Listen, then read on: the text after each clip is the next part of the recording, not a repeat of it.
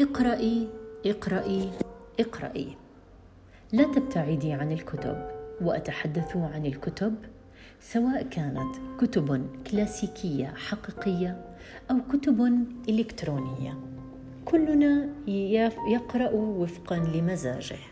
فأنا على سبيل المثال لا أستطيع أن أقرأ إلكترونيا فإنني قارئة كلاسيكية بامتياز. أحب أن يكون بيتي مليء بالكتب. الكتب في كل مكان وفي كل زاوية. اقرأي. حاولي أن تقرأي كتابا في الأسبوع أو كتابين في الشهر أو أربعة أو خمسة.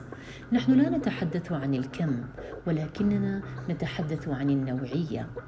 كل هذه الكتب سيكون لها إسقاطات فكرية عميقة على طريقة تفكيرك لجعلك إنسانة أكثر نضجا أكثر وعيا بالواقع الموجود حولك.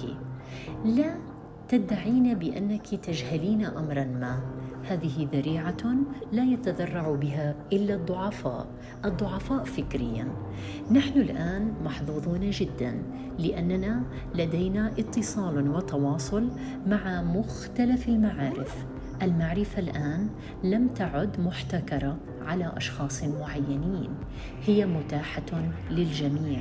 استغلي ذلك واقرأي واقرأي واقرأي وانتبهي أنك بعدما تقرأين عشرين كتابا أو خمسين أو مئتين أو, ثلاث أو ثلاثة آلاف ستصبحين إنسانة مختلفة جدا وقد تتحفين بكتاب أنت تكتبينه.